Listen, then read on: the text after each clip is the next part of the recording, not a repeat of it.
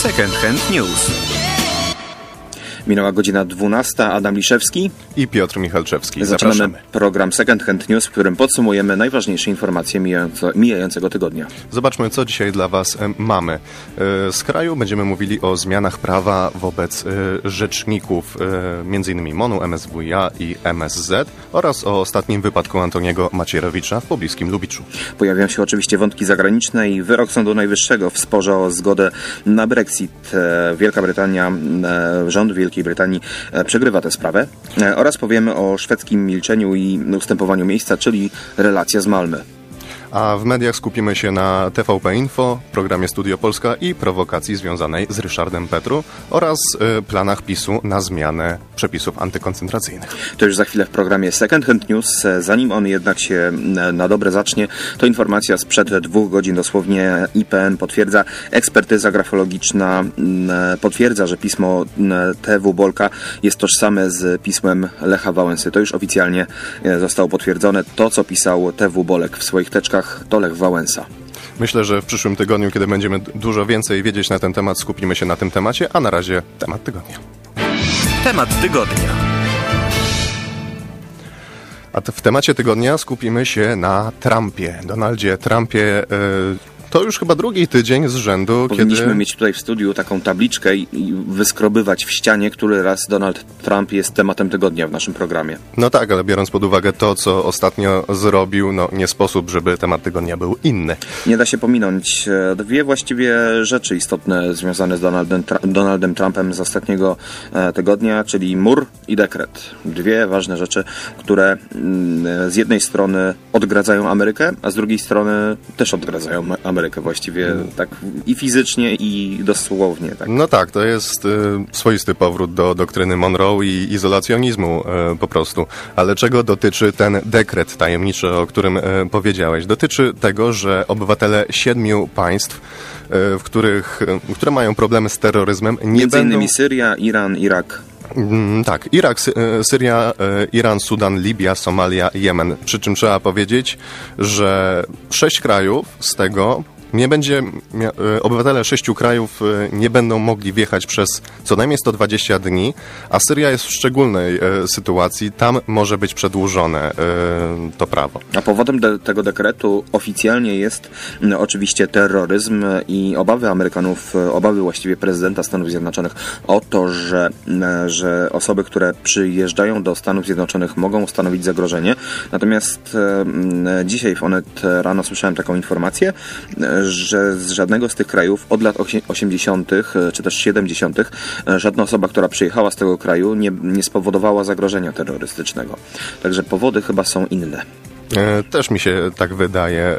Co więcej, zrobił się wielki szum medialny, że mnóstwo ludzi nie może do tej Ameryki e, polecieć, pojechać, e, wejść. A CNN to sprawdzi i mówi, że te liczby nie są aż tak, e, aż tak złe. Tak, e, problemem jest też to, że na- etapie tego dekretu, wstępnego dekretu, jeszcze nie doprecyzowano, jak ma wyglądać e, ta profesjonalna już kontrola, e, kiedy ona zostanie dopracowana, więc obecnie na lotniskach e, e, osoby, które mają problem z wjechaniem do Stanów Zjednoczonych, tworzą e, takie lotniskowe korki, można by powiedzieć. To osoby koczują na lotniskach po 2-3 dni w e, trudnych warunkach, e, także dekret Trumpa na razie jest problemem. Ale nie, ale nie zagraża programowi bezwizowemu, to też warto powiedzieć tak z punktu widzenia naszego polskiego, bo my wciąż e, akurat tych wiz nie mamy, ale warto sobie pomarzyć, jakbyśmy kiedyś mieli. To, co mówiłeś o koczowaniu, czekaniu na granicy, dotyczy też Meksyku, a jeszcze bardziej będzie dotyczyć, kiedy powstanie słynny mur zapowiadany Ja przez się Trumpa. zastanawiam, co te biedne amerykańskie dzieci zrobią, jak im przepadnie przez, ten mur. Tak, senior Trump. No, myślę, że odwrotnie, właśnie meksykańskie dzieci będzie senior Trump, e, give me piłka. Tak. Tak, najciekawsze jest to, w jaki sposób e, ten mur miałby być finansowany. E, Pojawiają się plotki, że ma zostać nałożony 20% podatek na rzeczy importowane z Meksyku i w ten sposób sobie to sfinansują. A eksperci mówią, biorąc pod uwagę, ile produktów spożywczych przychodzi z Meksyku do Ameryki i jak ogromny jest to rynek, to po prostu Ameryka stanie się głodna, wygłodniała zgłodniała. No, Donald Trump zapowiedział, że to e, Meksykańczycy zapłacą za mur, e, bez względu właściwie na to w jaki sposób. Jeżeli nie, nie będą chcieli zrobić tego dobrowolnie, no to zrobią to pod przymusem właśnie chociażby 20%, 20% cła. E, Mur rzeczywiście jest inwestycją drogą od 12 do 15 miliardów dolarów. Tyle szacuje się, że ma kosztować. No 3200 kilometrów muru to nie jest tania sprawa. Nawet jeśli jest siatki, tak jak w niektórych miejscach ma stanąć. Przejdźmy do informacji krajowych. E, Tutaj e, ciekawa rzecz. E, Będziemy mieli lepszych rzeczników, być może. No raczej nie, bo koalicja mm, Zjednoczonej Prawicy jest na tyle silna, że mm, ustawa, projekt ustawy, który zaproponowała Platforma Obywatelska raczej na pewno wyląduje w mm, koszu, mówiąc najogólniej. Natomiast chodzi o tak zwane prawo Lex Misie- Misie- Misiewicz. Pan Misiewicz, wiernym słuchaczom programu Second Hand News na pewno jest znany, nam również jest znany. Szczerze mówiąc trochę zazdrościmy takiego życia, takie ministerialne Las Vegas. E, Natomiast okazuje się, że Platforma Obywatelska no już nie wytrzymuje, że tak niekompetentnych wiceministrów i osób w dyplomacji nie mieli nawet oni, więc postanowili złożyć projekt ustawy, który zakłada, że w MONie, MSWiA i w MSZ zostaną zwiększone wymagania dotyczące wykształcenia, doświadczenia i dostępu do informacji niejawnych, e, tak aby misiewicze sobie musieli poradzić inaczej. Na przykład dokończyć studia. Ja myślę, że jeśli PiS chce się pozbyć takich ludzi jak Misiewicz e, w tej chwili, a chce jakoś wybrnąć z tej sytuacji, to zgodzi się na to, co Platforma przygotuje. Bo Ale nie chce. Myślisz, że, myślisz, że nie chce? Nie, wybrną inaczej. E, Misiewicz jest już ogromnym obciążeniem dla rządu i na pewno z punktu widzenia PR-owego powinien polecieć, moim zdaniem poleci. Natomiast, natomiast e, no, przytakiwanie opozycji to nie w tym kraju. E, Druga informacja z e, informacji krajowych e, to jest, to są właściwie przesłuchania, które rozpoczęły się po wypadku w Lubiczu Dolnym koło Torunia, znane nam miasto, między innymi dlatego, że tu mieszkamy.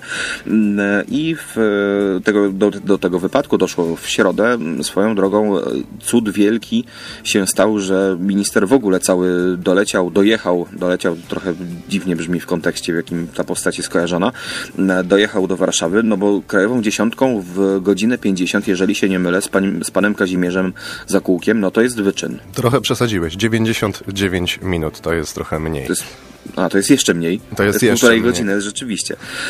Krajową Em. dziesiątką. Przecież tam są same ograniczenia 50-70.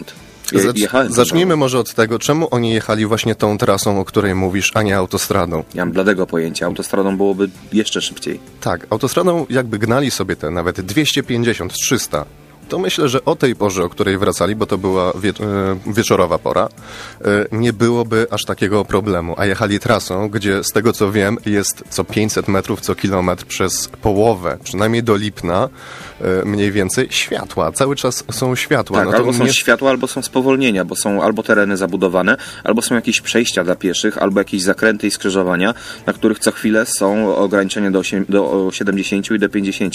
No ty dojeżdżasz tą trasą do domu czasami, jeżeli się nie mylę, tak? Nie, nie, tro, Nie? trochę inną wybieram. Ale mi się zdarza nią jeździć, e, krajową dziesiątką, no i rzeczywiście, no ja bym, myślę, że nawet w dwukrotność tego czasu nie dojechał do Warszawy. Ale nie prędkość oficjalnie jest tutaj e, problemem i przyczyną wypadku. Według prokuratury wpływ e, na zdarzenie miały po prostu trudne warunki e, na drodze. No, ja w Toruniu mieszkam, Lubicz znam, no, szedłem do sklepu wtedy, no jakoś się nie ślizgałem w butach. Nie było aż tak źle. No ja przez Lubicz przejeżdżam bardzo często, właściwie zawsze, kiedy jadę do swojego do domu, domu jadę Lubiczem Mm, i nie zdarzyło się tam w tym roku, żeby tam było ślisko. Tam naprawdę ta droga, no to jest e, trzepasmówka nad autostradą, to jest bardzo ważny węzeł komunikacyjny, nie tylko w Toruniu, ale w ogóle w, w całym kraju, e, bo to jest przecież połączenie dużej aglomeracji, czyli Torunia z autostradą A1 ta droga jest naprawdę zadbana. Wytłumaczenie mi się nie podoba, nie przyjmuję go i kończę ten temat. Dobrze, przejdźmy do kolejnego. E, będziemy mieli e, ścisłe granice, tak szczelne, że. Ściślejsze, szczelne już mamy. No, szcze, e, uszczelnienie granic uszczelkami e, dookoła, a chodzi o to, że Rzeczpospolita ustaliła, że uchodźcy będą mieli dużo trudniej, ponieważ nie będą mogli wjechać do naszego państwa i czekać tutaj na azyl. Tak, obecnie wygląda to tak, że cudzoziemcy, którzy składają na polskiej, składają na polskiej granicy wniosek o status uchodźcy i po wjechaniu na terytorium naszego kraju nie czekają na jego rozpatrzenie, mm, obecnie się to zmieni. Będą musieli poczekać albo nie zostaną wpuszczeni, jeżeli ten wniosek, te wnioski będą w sposób ekspresowy rozpatrywane, no to jest utrudnienie chociażby dla uchodźców. Ja już nie mówię o krajach południowo-wschodnich, ale chociażby o Ukrainie i uchodźców z Ukrainy. Tam wciąż panuje wojna, stamtąd wciąż ludzie do nas napływają.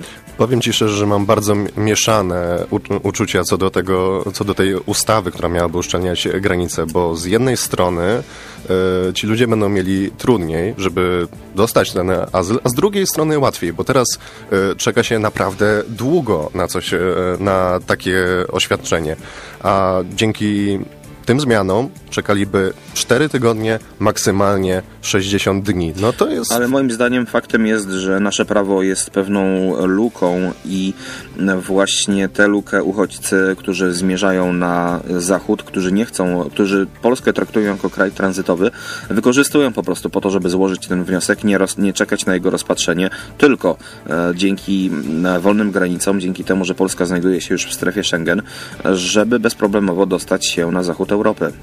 E, najbardziej chyba zaskakuje mnie e, wytłumaczenie Mariusza Błaszczaka, szefa MSWiA, e, że chcą uniknąć presji migracyjnej. To jest zrozumiałe.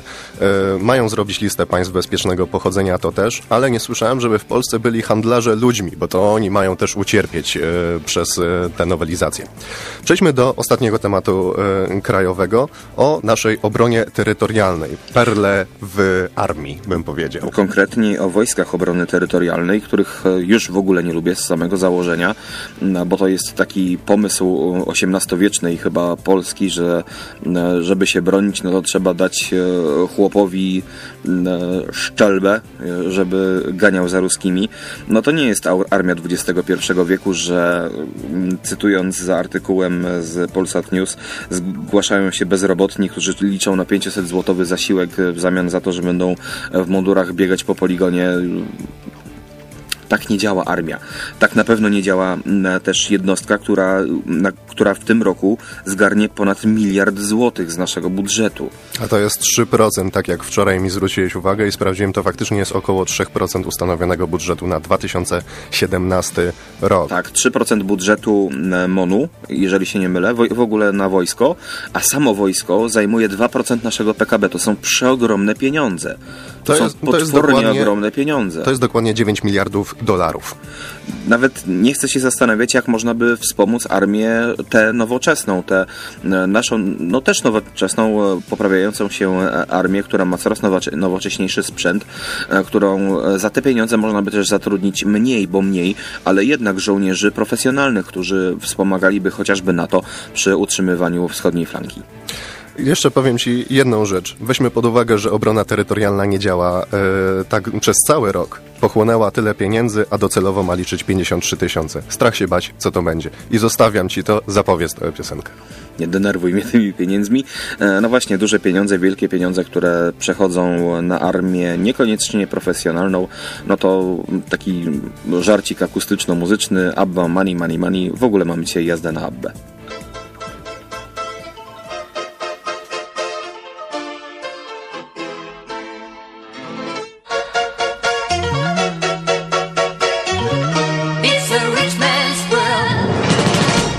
Przechodzimy do informacji z zagranicy. Najpierw Wielka Brytania. Kącik zagraniczny. Sąd Najwyższy zdecydował, Sąd Najwyższy nie ma już wątpliwości, no właściwie wątpliwości to miał, bo stosunkiem 8 głosów do 3 zdecydował, że parlament musi zająć się wnioskiem o wystąpienie Wielkiej Brytanii z Unii Europejskiej. Ale od razu powiedzmy, nie jest tak, że Brexit stoi pod znakiem zapytania, bo tak raczej nie będzie. Nie stoi przede wszystkim przez twarde stanowisko rządu brytyjskiego. Moim zdaniem słuszne. Powiedziało się A, a, a trzeba powiedzieć B i nawet wszystkie e, następujące literki, następne literki alfabetu brytyjskiego, czy też polskiego, nieważne. Mm, e, no i no, w sumie no, tutaj dziwi mnie to, to, to, to zastanowienie Sądu Najwyższego, czyli stosunek 8 głosów do 3. niespecjalnie wiem, no, prawo jakby brytyjskie stan, stanowiło jasno i nawet e, wszelkie analizy, ekspertyzy jeszcze dziennikarze wskazywało na to, że będzie trzeba to prze, przeprowadzić przez parlament, natomiast jest to oczywiście formalność.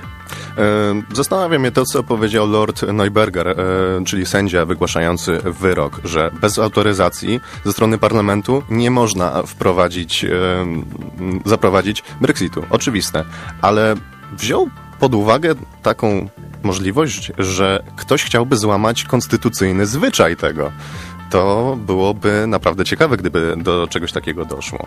Przynajmniej moim zdaniem. Taki prawie polski wątek, można no, by powiedzieć. Dlatego rozbudza moją wyobraźnię, bez wątpienia. E, też trzeba dodać, że brytyjski Sąd Najwyższy jedno, e, jednogłośnie uznał, że nie trzeba się konsultować z parlamentami Walii, Szkocji i Irlandii Północnej. Myślę, tak. że powinni. E, moim zdaniem też powinni, e, chociażby po to, żeby wyciągnąć rękę do tych rządów.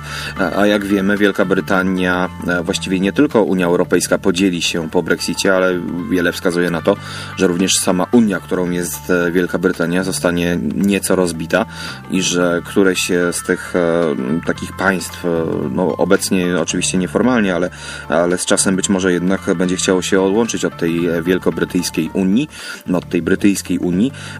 No i z moim zdaniem jeszcze jeden e, wątek tutaj trzeba podkreślić, nakreślić, e, czyli to, że ta cała procedura, która będzie musiała być przeprowadzona przez parlament, po prostu wydłuża całą procedurę wyjścia Wielkiej Brytanii z Unii Europejskiej, a to są pieniądze, to są ogromne pieniądze, ponieważ do czasu, kiedy nie mamy właściwie żadnych konstruktywnych jakby pomysłów na to, jak Wielka Brytania będzie miała wyjść z Unii Europejskiej, to nie mamy też umów handlowych, nie mamy też jakby gwarancji gwarancji tego, na jakich, na, na jakich warunkach będzie się musiał, będzie się miał handel e, wielkobrytyjsko-unijny odbywać. O ile myślę, że to byłby dobry pomysł, żeby z Walią, Szkocją i Irlandią Północną się dogadać, to sam rząd brytyjski, no tutaj nie ma kompletnie sensu. Niby w, izb w obu izbach parlamentu są w większości proeuropejscy posłowie, ale i tak nie zagłosują za tym, żeby Brexit wstrzymać.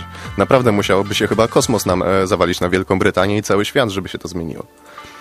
No dobrze, przejdźmy chyba do następnego tematu i tu wyobraźnia nam e, po prostu szaleje. No, kraj niemalże egzotyczny, północny, Myślę, że niedużo wiemy o tej Szwecji.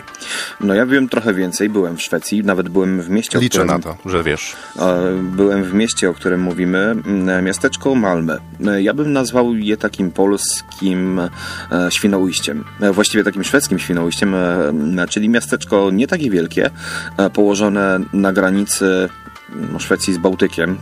Właściwie to jest granica państwa. Natomiast jest to po prostu jeden wielki port. E, do tej pory spokojne miasteczko. Też bardzo fajnie no, umiejscowione, ponieważ Malmö, Malmö łączy, łączy się e, tym wielkim mostem, największym mostem w Europie z duńską Kopenhagą. E, swoją drogą fantastyczne widoki, fantastyczne miejsce polecam turystycznie, natomiast no, nie polecam jeśli chodzi o emigrację, ponieważ wielu wielu, emigrantów w Malmö się znalazło po 2015 roku. No i są tam z nimi pewne problemy. E, tak, Patrzę tutaj sobie na statystykę e, Crime Index i według niej Malmo w Szwecji Malmy. jest Malmö w Szwecji jest na drugim e, miejscu. To jest naprawdę rekord. I w Europie jest bardzo wysoko w ogóle Szwecja jest bardzo bezpiecznym państwem. Natomiast e, jak patrzyłem sobie na te wskaźniki bezpieczeństwa, no to e, obecnie sytuacja w Malmę przypomina już e, tylko okolice Bałkan i południa Włoszech. No, Włosi krzykliwi, wiadomo, natomiast Szwedzi z jednej strony faktycznie jest tam problem z przemocą, jest problem z przestępstwami, ale nie wszyscy tak uważają. Są ludzie, którzy w ogóle uważają, że to właśnie imigranci e, tchnęli w to miasto jakiś taki no, koloryt, życie, e, dodali jakiś kafejek, miejsc do jedzenia, no ale też jest ta ciemna strona. Problemem, problemem nie są imigranci, tylko moim zdaniem ich natężenie. Jeżeli diaspora zaczyna się nazbyt roz, rozrastać, jeżeli jest e, za bardzo zżyta z sobą, jeżeli nie socjalizuje się, nie przyjmuje wartości kraju, w którym się znajduje, no to pojawiają się tego typu problemy. Problemy chociażby z przemocą, bo chcą zwłaszcza z krajów afrykańskich, arabskich, e, te osoby, które no, niosą w swoim sercu wojnę, o tym już wspomina, wspominaliśmy w programie, że osoby, które się urodziły w trakcie wojny albo 10-5 lat swojego życia spędziły na wojnie, e, no to niosą w swoim sercu wojnę i przenoszą ją, ją na Europę i chociażby na Szwecję. No gwałt transmitowany na żywo na Facebooku to jest coś, co mi się Europejczykowi no, w głowie nie, nie mieści. Myślę, że nikomu się nie mieści, nie tylko Europejczykom. No to też prawda. E, no właśnie trudno jest tutaj uniknąć jakiejś segregacji rasowej i tak dalej. Boję się tego i nie chcę tego robić. Absolutnie. Natomiast e, e, no faktem jest, że w Szwecji jest dużo imigrantów, jest dużo problemów związanych z imigrantami. W Polsce jest mało imigrantów, jest mało problemów związanych z imigrantami. Za duża diaspora stanowi dla Szwecji problem. Mam nadzieję, że kiedyś będziemy mieli okazję dużo dłużej o Szwecji porozmawiać. A teraz wracamy do Polski i do mediów. A, A tam, mediach? o, w mediach Ryszard Petru sprowokowany i to bardzo, i to do tego stopnia, że składa e, skargę do Krajowej Rady Radiofonii i Telewizji. Ale za co? Ja sobie w ogóle gdzieś wypisa, wypisywałem wszystkie skargi i e, wnioski i zażalenia i wszystkie też e, zaskarżenia do prokuratury, które złożyła ostatnio Nowoczesna. Jest ich sporo. Natomiast, natomiast to, co obecnie wydarzyło się w telewizji publicznej, w kanale TVP Info w programie, w programie Studio Polskie, Polska, no to jest absolutnie ewenement. No czegoś takiego to jeszcze nie widziałem. Wszystko zaczęło się od tego, kiedy Maciej Pawlicki z programu Studio Polska wyszedł na środek, zaczął swój program i powiedział: Mam dla Was wiadomość z ostatniej chwili. Zupełnie tak jak my dzisiaj, tylko że nasza jest prawdziwa, a jego nie była. A chodziło o to, że Ryszard P. z partii Nowoczesna, myślę, że wszyscy wiemy, że chodzi o Ryszarda Petru, jest rosyjskim szpiegiem tak, e, te informacje, ja patrzyłem nawet czasowo, e, to, była dobre, to było dobre półtorej minuty, kiedy ta informacja była prawdziwa, w sensie nie poinformowano, że, że to jest tylko wymysł dziennikarzy TVP Info, e, a przedstawiono to jako informację, oczywiście podając źródła, podając jakby, podając kto te informacje wypuścił. No i no moim zdaniem w telewizji publicznej za moje pieniądze tego typu zabawy, no mi się to coraz bardziej przestaje podobać. E, zwłaszcza, że mówimy o polityku, który po prostu był, który po prostu jest nielubiany i nieszanowany przez środowisko obecnych, obecnego rządu, mediów. E, I w ogóle, jeżeli kogokolwiek miałoby to do, do, dotyczyć, gdyby, jeżeli mówimy o sztucznych informacjach, to możemy podać naprawdę dużo łagodniejszy przykład, e, a taka zabawa jest po prostu podprogowym nie chcę powiedzieć szczuciem, ale przeciwstawianiem sobie Polaków. Z jednej strony rozumiem zamysł e, Pawlickiego, że chciał pokazać, bo o tym był program, o manipulacji, no ale mógł to ale zdementować. To ale mógł to zdementować dużo szybciej, to prawda. I mógł wybrać kogoś innego, przynajmniej kogoś, do kogo nie przyczepiano Przede kiedyś wszystkim łatki. to mógłby być temat niepolityczny. Nawet nie tyle, co niepolityczny, w 30 sekund i nie wybierałby osoby, która miała tę łatkę rosyjskiego szpiega już wcześniej, bo przypomnijmy, e, rodzice Ryszarda Petru, według niektórych e, prawdopodobnie nieprawdziwe informacje, rodzice Ryszarda Petru pracowali w ZSRR.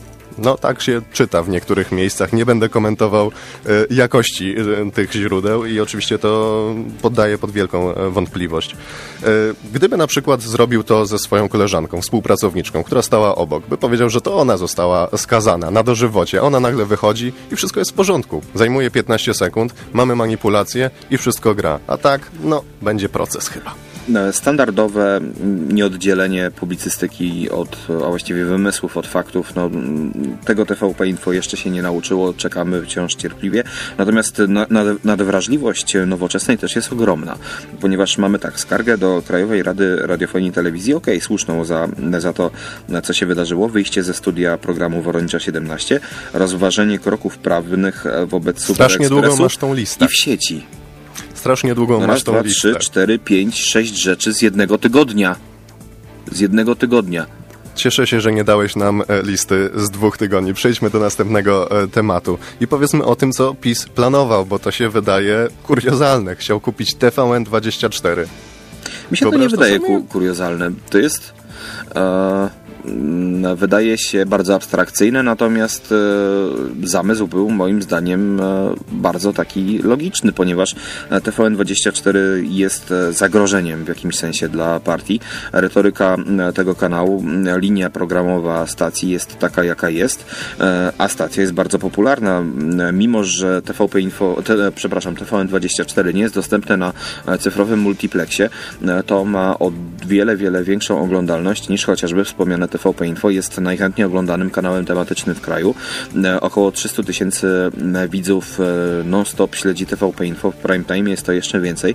Także to, że Prawo i Sprawiedliwość myślało, czy by jakaś spółka państwowa nie mogła wykupić TVN24 i zrobić z tego no takie Russia Today po, polskie, wcale mnie to nie dziwi. Tak, i PiS przy, tym okazji, przy tej okazji, a raczej Jarosław e, Kaczyński zapowiedział, że chciałby, żeby, żeby te przepisy antykoncentracyjne, ten kapitał wyglądał podobnie jak we Francji. Jak będzie, zobaczymy. A teraz Abba i Mamma Mia.